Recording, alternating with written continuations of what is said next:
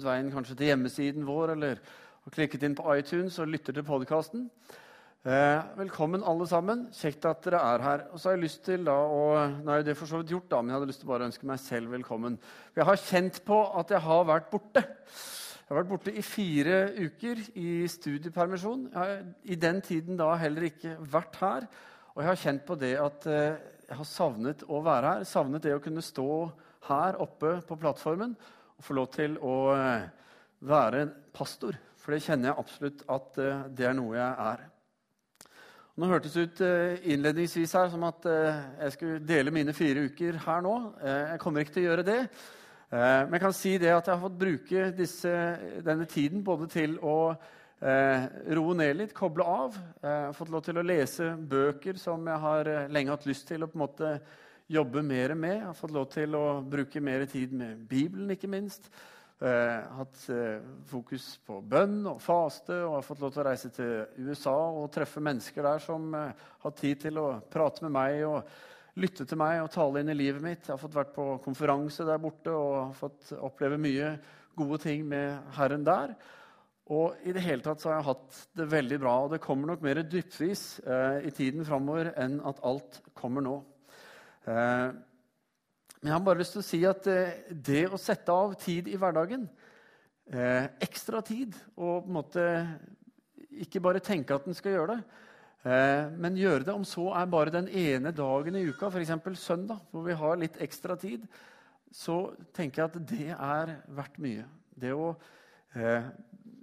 bare komme til Gud, fordi det skjer noe når vi gjør det. Han taler til oss. Og det har vært min klare erfaring disse ukene. At han har talt til meg på en ny måte. Jeg har fått oppleve det på en eh, måte som jeg er veldig takknemlig for å ha fått eh, tid til å gjøre. I dag skal vi fortsette på den serien som Inger startet forrige søndag, som heter 'Herre, lær oss å be'.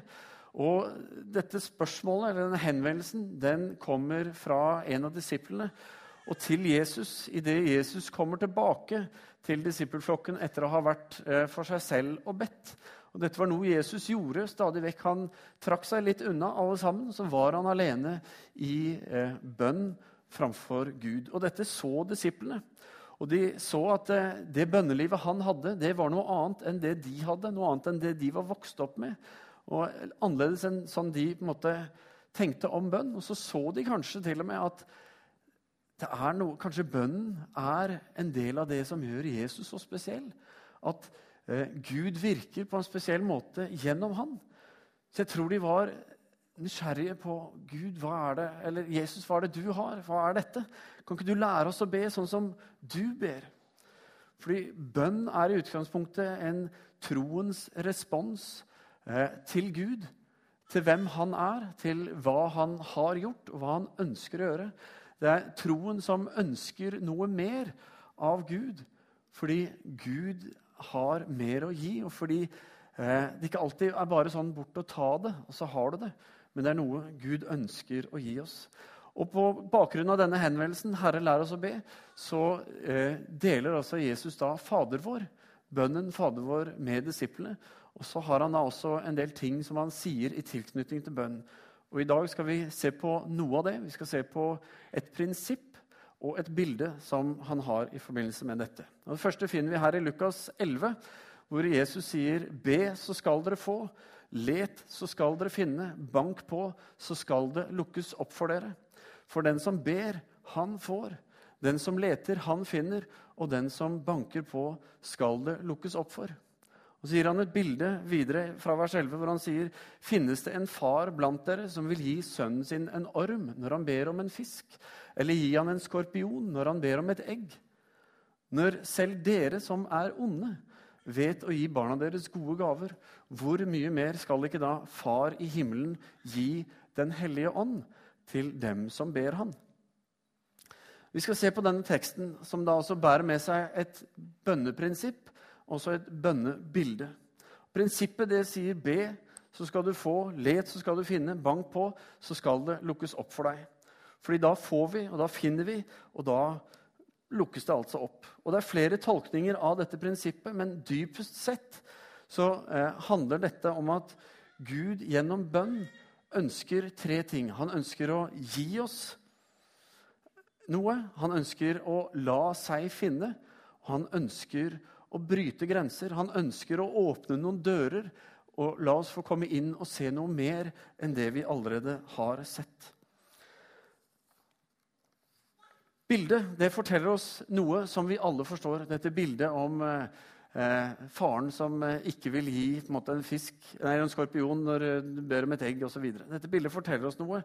Fordi ingen generasjon før oss har vel bedre utgangspunkt for å forstå dette bildet om å gi gode gaver til barna sine. Jeg mener, Bare se på julaften, som vi hadde for ikke så lenge siden, hvor uendelig mye gaver barna våre får. Og ikke bare julaften, men det livet våre barn lever i dag, er så Altså, vi har alt. Og alt er så beskyttet og tatt hånd om at det skal godt gjøres å slå seg i dag. Fordi man er liksom polstra, og det er liksom blandet inn gummibiter i sanden i barnehagen. sånn at det skal være ekstra godt å falle. Altså, Barna våre har så utrolig mye som vi gir dem. Og så sier Jesus 'når vi'. Så snakker han om at vi er onde. Og så er det ingen av oss som tenker 'ja, jeg er ond'. Jeg vet ikke åssen det er med deg. Kanskje dette bare er meg. Men jeg har det sånn i livet mitt at stadig vekk så dukker det opp ting som jeg ikke er stolt av, som tenker Tenkte jeg virkelig det? Holdt jeg nesten på å si det? Og så vet jeg at om jeg hadde handlet på det som gikk gjennom tankene mine, det som var i meg der og da, så ville folk nok tenkt, sett på meg og tenkt Men han er jo ond. Eller kanskje de hadde vært så rause at de ville sagt at han er ikke ond, men det han gjorde, var ondt. Ofte så sier vi først noe om hvem vi er, mer om hva vi gjør. Så jeg vet ikke åssen det er med deg, men når vi vet å gi våre barn så gode gaver, hvor mye mer skal ikke da Gud som er fullkomment god, og som er vår far i himmelen, gi oss gode gaver når vi ber. Arresterer meg selv litt på det siste, for det er ikke hele sannheten i bildet. Fordi dette bildet er langt dypere enn, har en langt dypere sannhet ved seg. For det står ikke at Gud gir oss gode gaver. Selv om vi gjerne skulle hatt det sånn. ikke sant? Julaften hver dag vi kommer til Gud. Det hadde vært bra. Jeg sier ikke at det ikke er det, men det står ikke at han gir oss gode gaver, men det står at han vil gi oss Den hellige ånd. Han gir Den hellige ånd til dem som ber han om det. Og nettopp Den hellige ånd, som er en del av treenigheten, Fader, Sønn og Ånd, han er vel kanskje den av disse tre som vi syns er vanskeligst å forholde oss til. Som ikke vi alltid er, forstår helt hvordan Den hellige ånd fungerer i våre liv som vi kanskje kjenner oss litt utrygge i forhold til. Fordi vi er redd for hvordan det skal se ut om Den hellige ånd skal begynne å romstere og virke i livene våre. Hva kan vi finne på å si da? Hva kan vi finne på å gjøre da? Kanskje har vi sett noe som gjør at vi tenker 'Å nei, dette tør vi ikke'. Men Gud ønsker å gi oss sin Hellige Ånd. Og jeg tror dette er en nøkkel til hele 'lær oss å be'. Og Derfor er det det han ønsker å gi oss. Og Derfor tror jeg at den viktigste bønnen du og jeg ber, hvis vi opplever at dette med Den hellige ånd er utfordrende, så er det at Gud virkelig må åpenbare for oss Den hellige ånd. Hvem han er, og hvilken rolle han skal ha i vårt liv. For vi kan ikke ignorere han fordi vi ikke vet helt. Han er en utrolig viktig brikke i våre liv.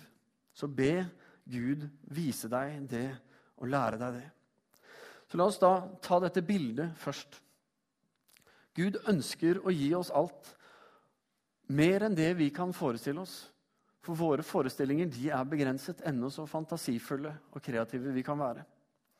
Gud har faktisk ikke bare ønsker å gi oss alt, men han har gitt oss alt, sier Bibelen.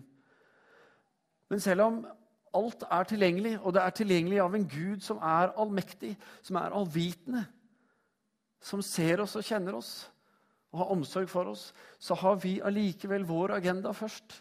Veldig ofte når vi ber. Vi forteller Gud hva vi vil ha, hvordan vi vil ha det, hvordan det skal være, og hva som er det beste svaret for oss å få. Og når vi ikke får det, så tenker vi at Gud ikke hører på oss. Men vi har det med å komme til Gud ut ifra våre egne tanker. Her eh, På mandag som var, hadde jeg en liten tur opp i Sauda, vinterferie. Så var jeg ute og kjørte etter å ha vært i bakken og stått på ski sammen med gutta mine og et søskenbarn. Eh, så sitter vi i bilen og har litt tid, og da er det nødt til å komme en dårlig vits av far. vet du, Og det gjorde det denne gangen. Jeg skal dele den med dere. Og Det var vitsen om han som kanskje verdens, var verdens uheldigste mann. En dag han var ute og gikk, så snublet han selvfølgelig så uheldig som han var. Og Denne gangen så, så han at eh, vel, det var ikke en vanlig stein, eller noe, men det var noe som stakk opp av jorda. Så han gikk bort og begynte å grave litt rundt og lurte på hva er dette for noe. Så så han etter hvert at dette var jo en sånn flott, gammel, litt sånn orientalsk, spennende oljelampe. Og rent sånn Intuitivt så begynte han å gni på den, og ut av den lampen så kom det en ånd. Og sa, 'Du skal få oppfylt et ønske', sa denne ånden. Og Så tenkte han, hm, 'Hva ønsker jeg?' 'Jo, jeg vil bli verdens heldigste mann'. Innvilget, sa ånden og forsvant igjen. Så tenkte han nå løper jeg bort på butikken og så fyller jeg ut alle tippekuponger som er. Og så kjøper jeg ett av hvert eneste skrapelodd. Og så skrapte han og skrapte han, og for hvert lodd han skrapte, så vant han jo full pott, altså premie på alle disse tingene. Og han ble så glad og tenkte åh, nå er liksom livet snudd seg. Og så tenkte han jeg har lyst til å gjøre noe veldig bra. Gjøre noe bra for kona mi. Og så kom han hjem og så, så han henne ligge og sove på sofaen. Så Kona hans hun var av indisk bakgrunn. Tenkte jeg, Hva kan jeg gjøre for henne? Så så han at hun hadde sånn kastemerke i pannen, og så så han at det var litt slitt. Så tenkte han å, jeg har lyst til å gi henne et nytt, flott merke, for det betyr så mye for henne. Og mens hun lå der og sov, så begynte han å skrape for å ta vekk dette gamle. da, vet du. Og når han hadde fått det helt vekk, så vant han en bil. Skikkelig dårlig vits, med andre ord. Men det interessante og grunnen til at jeg forteller en så dårlig vits under talen min denne søndagen, det er det at min eldste sønn Kristoffer han hadde en umiddelbar respons på den vitsen. For det første så lo han ikke. Det var helt greit. ikke dere lo heller. Men han sa jeg ville ha ønsket meg uendelig mange ønsker. Sånn. Og så med en gang så slo det meg bare Men det er jo sant om vårt forhold til Gud. Om hvem Gud er i møte med oss.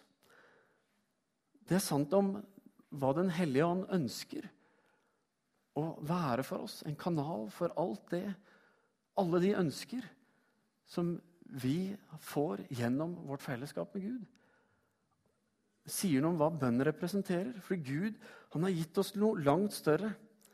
Han har på en måte gitt oss uendelig mange ønsker ut ifra sin gode vilje. Men så er vi ofte så opptatt av våre vilje, våre ting, at vi glemmer å søke Gud for det gode han har for oss.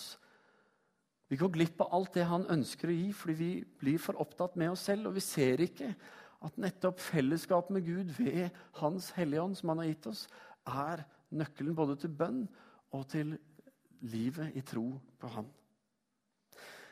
Jeg tror ikke jeg er den eneste som har tenkt jeg tror vi er mange som har tenkt at om bare Jesus var her nå Gi meg Jesus, bare Jesus, som vi sang. ikke sant? Om bare han var her nå, og da har han talt her i formiddag, tror du ikke det hadde vært stappfullt her da? Tror du ikke du hadde invitert med deg en nabo og en venn og en kollega? og, og sånn? Jeg hadde tenkt det at Hvis Jesus var der, så ville jeg gjort det. Invitert med.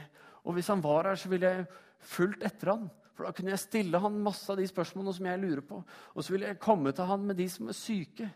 Ikke sant? Og så alt det der som vi leser om i Det nye testamentet. Og Det er veldig lett å tenke sånn, men jeg tror når vi tenker sånn, så gjør vi feil. For det er ikke sånn Gud tenkte at det skulle være. Jesus sier det selv i Johannes 16. så sier han, 'Men jeg sier dere sannheten', sier han. Det er det beste for dere at jeg går bort. For dersom jeg ikke går bort, kommer ikke Den hellige ånd til dere. Men går jeg bort, så kan jeg sende han til dere. Det er altså bedre for oss, det som vi har fått nå, enn det vi ofte tenker. Om bare Jesus var der, så kunne jeg gått til han. Men Jesus han var ett sted av gangen når han gikk omkring rundt på jorden. Men ved Den hellige ånd så er han til stede i alle menneskers liv. Alle som tror på han, og som søker han. Og Det betyr at Jesus får være så uendelig mye mer for så uendelig mange flere av Den hellige ånds virke og gjerning i våre liv. Så sier Jesus videre, i vers 13, så sier han Men når sannhetens ånd kommer, skal han veilede dere til hele sannheten. parentes. Altså, han skal gi oss svar på alt det vi lurer på. Han skal veilede oss til hele sannheten. Parentes slutt, vi fortsetter. For han skal ikke tale ut fra seg selv, men si det han hører, og gjøre kjent det som skal komme. ikke det er fantastisk? Dette ønsker han å gjøre. Og han skal herliggjøre meg, for han skal ta av det som er mitt, og forkynne det for dere. Altså han skal bygge opp Jesus, herliggjøre han, i våre liv. Alt det, dere, det som min far har, sier Jesus, alt det er mitt. Derfor sa jeg at han skal ta det som er mitt, og forkynne det for dere. Gud ønsker å gi oss alt sitt, og han gjør det ved Jesus Kristus. Vi trenger Den hellige ånd i våre liv. Vi trenger han for å kunne be den bønnen Jesus lærer oss å be. Jeg trenger Den hellige ånd i liv for at jeg skal kunne eh, holde Jesu navn hellig. Jeg trenger Den hellige ånd i mitt liv for at hans rike, for at Guds rike skal gå fram og komme og ha fremgang. Jeg trenger Den hellige ånd for at Guds vilje skal skje her på jorden sånn den skjer i himmelen. Og jeg trenger Den hellige ånd i mitt liv for at jeg skal både kunne få det jeg trenger til daglig i mitt liv, at jeg skal få tilgivelse når jeg trenger det, og at jeg skal få eh, beskyttelse til å stå eh, altså Når jeg blir fristet, til å stå imot fristelse. Jeg trenger Han for å bli frelst fra det onde. Derfor er det så viktig for oss at Den hellige ånd får plass i våre liv og får lov til å tjenestegjøre og herliggjøre Jesus i våre liv. Og Så er det jo da trist at majoriteten av kristenheten, i hvert fall i den vestlige, rike verden, ikke har et personlig forhold til Den hellige ånd. Ikke har en sånn forståelse av hvem han er, og hvordan han virker i hverdagen vår. Og her er det en fantastisk skatt. Her er det en nøkkel til himmelen, til Guds rike, til hans vilje, som han ønsker at vi skal få.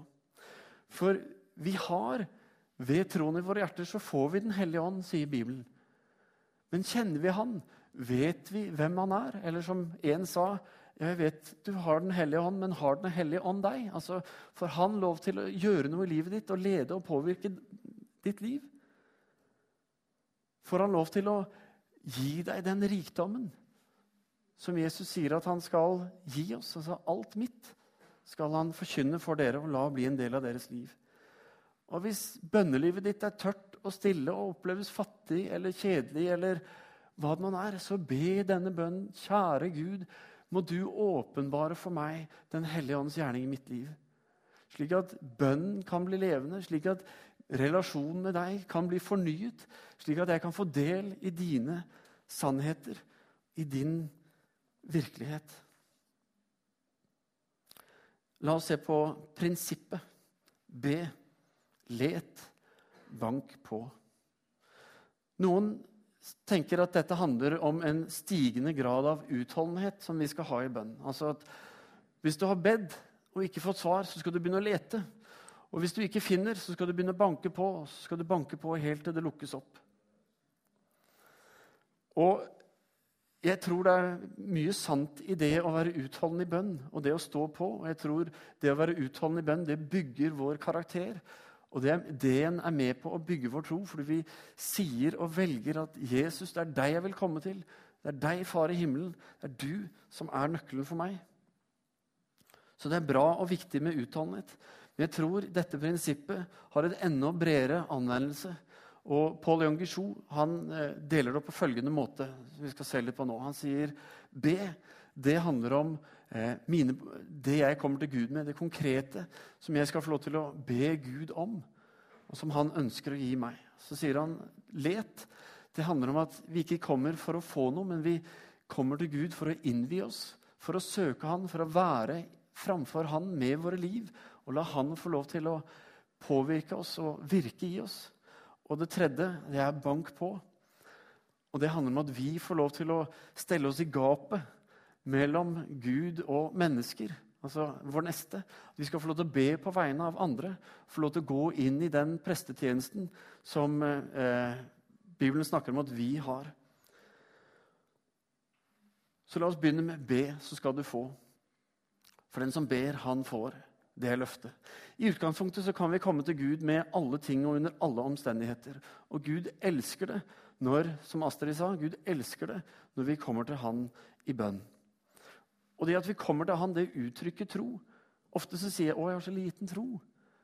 Eller vi tenker at troen min er stor nok. Men uansett hvordan du tenker om din tro, så tenker jeg at det at den leder deg til Gud, gjør den jo egentlig stor nok. For det er der du trenger å være. Og så må du be Han om å bygge den videre og påvirke den, slik at du får del i det han har. Å komme til Gud det er noe som bygger troens karakter i oss. Det er noe som hjelper oss få mer av det Gud er. Og når vi setter Han først, så vil Han også bli størst i våre liv. Og i disse tingene, i dette, så er Den hellige ånd virksom og leder oss og viser oss og hjelper oss. Gud vil det beste for oss, og derfor får vi det ikke alltid sånn som vi vil.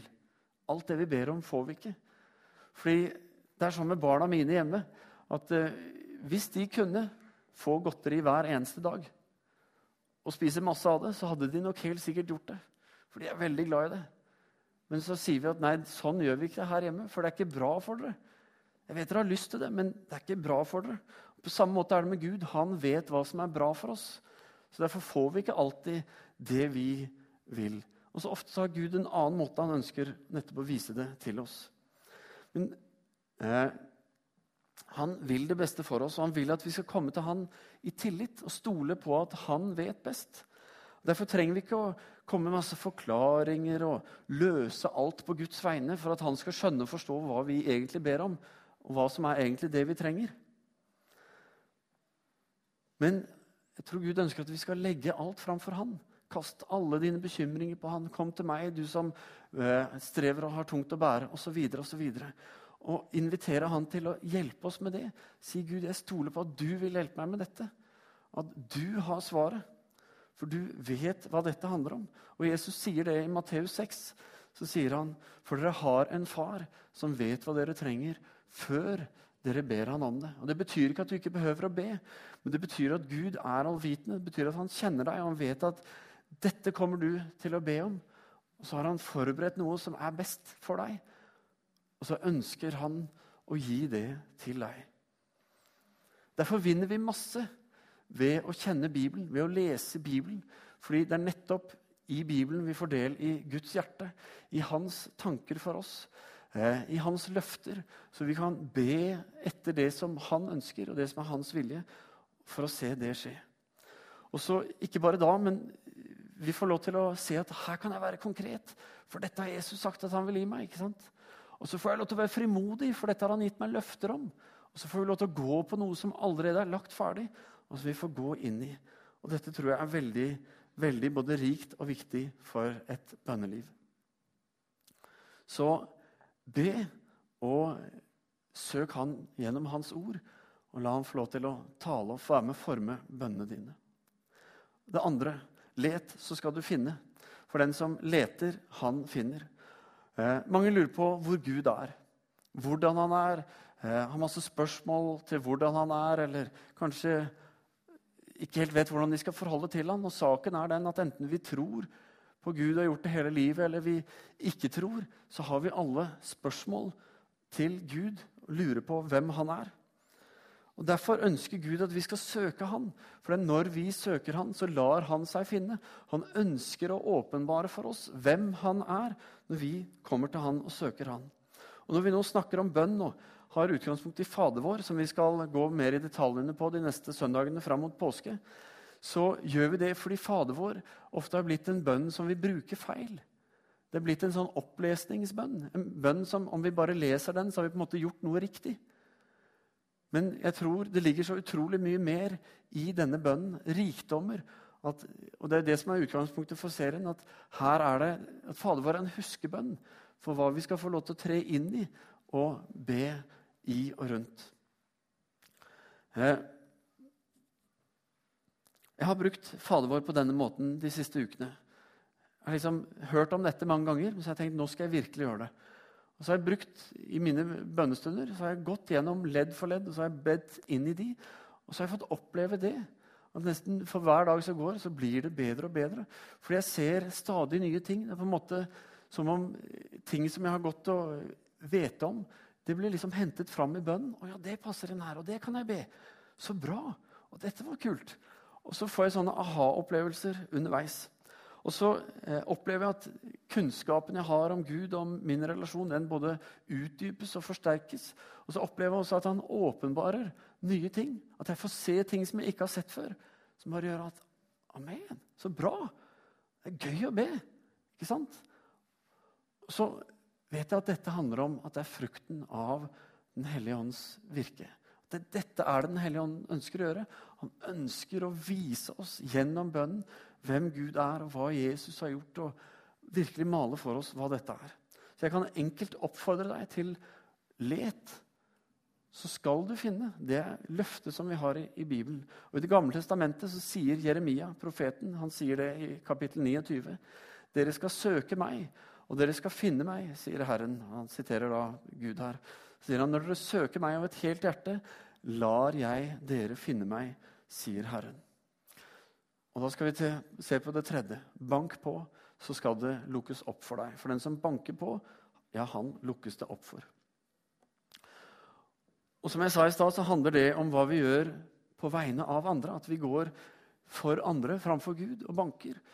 Og da får jeg i hvert fall en sånn klar følelse at ok, er det noe sted jeg virkelig er avhengig av at Den hellige ånd skal tale og virke i meg, så er det jo der. For da er det ikke bare meg det står på, og Gud og måte, hva jeg kan tillate meg selv. men ok, her er det viktig at Den hellige ånd får lov til å virke. Når vi ber for andre, så gjør vi det prestene skulle gjøre, som vi leser om i Bibelen. De gikk inn, stelte seg i gapet mellom himmel og jord og kom til Gud på vegne av folket. Og Så fikk de svar, og så kom de tilbake til folket på vegne av Gud, og så delte de. Og Sånn gjør vi når vi ber for andre. Vi stiller oss opp for andre. Og Vi får lov til å gjøre det som Jesus gjør nå. Det står om, i Bibelen at Jesus han sitter ved Faderens høyre hånd på tronen i himmelen. Og så går han i forbønn for oss. Han ber for deg og meg om at vi skal få lov til å se og lære å forstå og få del i alt det gode som Gud har for oss. Og Når vi ber for andre, så er det det vi gjør. Og så er det ikke alltid vi vet hva vi skal be, eller hvordan vi skal be, hvilke ord vi skal bruke osv. Men også der kommer Den hellige ånd og er virksom. Han kan gi oss et bilde, han kan gi oss et ord. Han kan gi oss en, en, tanke, et eller annet, som setter oss på sporet av hvordan vi skal be, hva vi skal be om. Og så er det sånn at vi tenker ofte at uh, vi ikke har det som skal til når det gjelder å be for andre.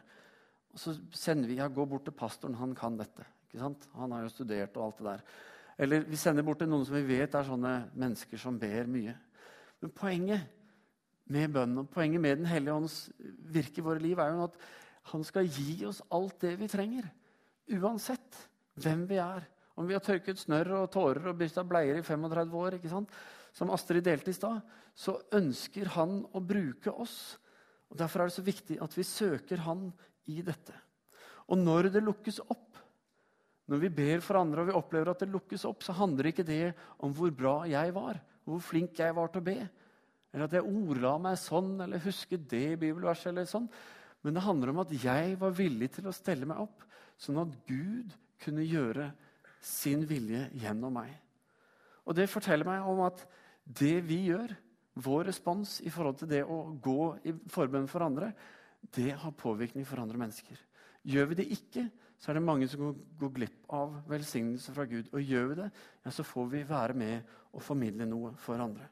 For bare noen uker siden så eh, snakket Marianne og jeg sammen, og vi skulle be. og så snakket hun om, Jeg visste at hun hadde gått og båret på en bekymring over lang tid som hun syntes var slitsom og tung, og som plaget henne hele tiden. Så sa jeg kan vi ikke be, da?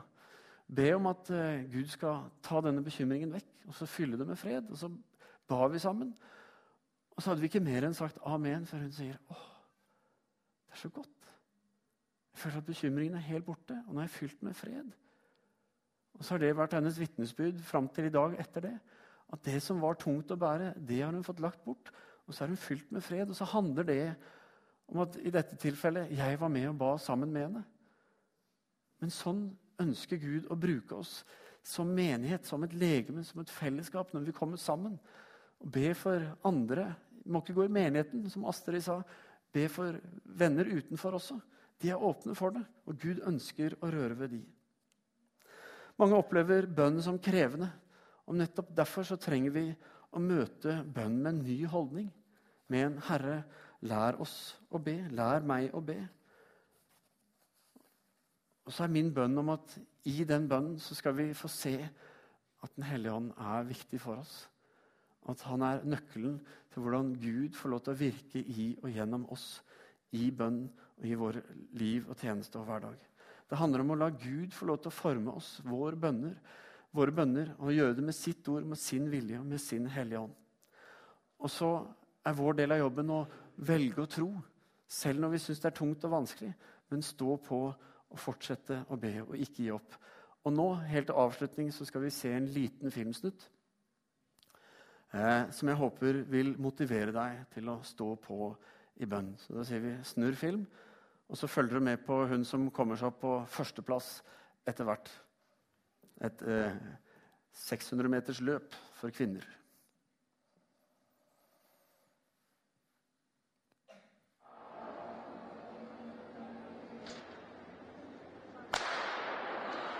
The 600 meter underway. Heather Dornard in Minnesota finished second this event a year ago. She was in lane four.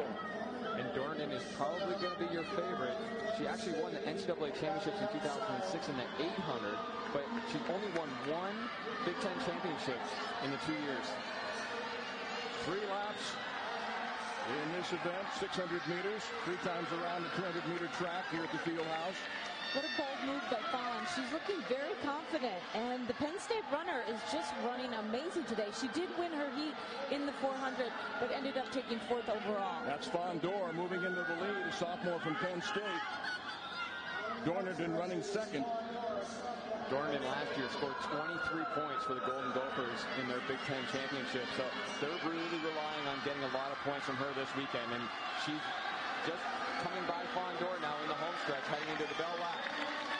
Oh, down. Whoa. Dornarden falling down, gets up quickly, but that's going to cost her. Lucky she wasn't injured. Her teammate just went to the front, though, so they may be able to recover from that. And Dornan is flying down the She backstretch. is She is, catching up. she is going to catch Fondor, and she may catch the leader. Wow. But she's got fun. This is a gutsy effort by Dornarden. Can she pull it off? She's moved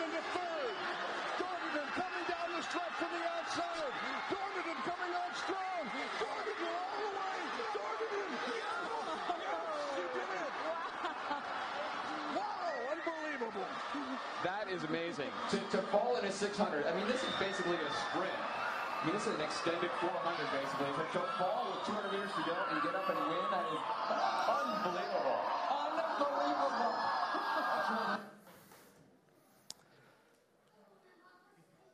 Jeg føler at eh, når vi velger å reise oss opp igjen når vi har falt, når vi har gitt opp, eller kanskje du har det sånn at du har noe du har bedt over lang tid, så har du gitt opp, eller du vurderer å gi opp.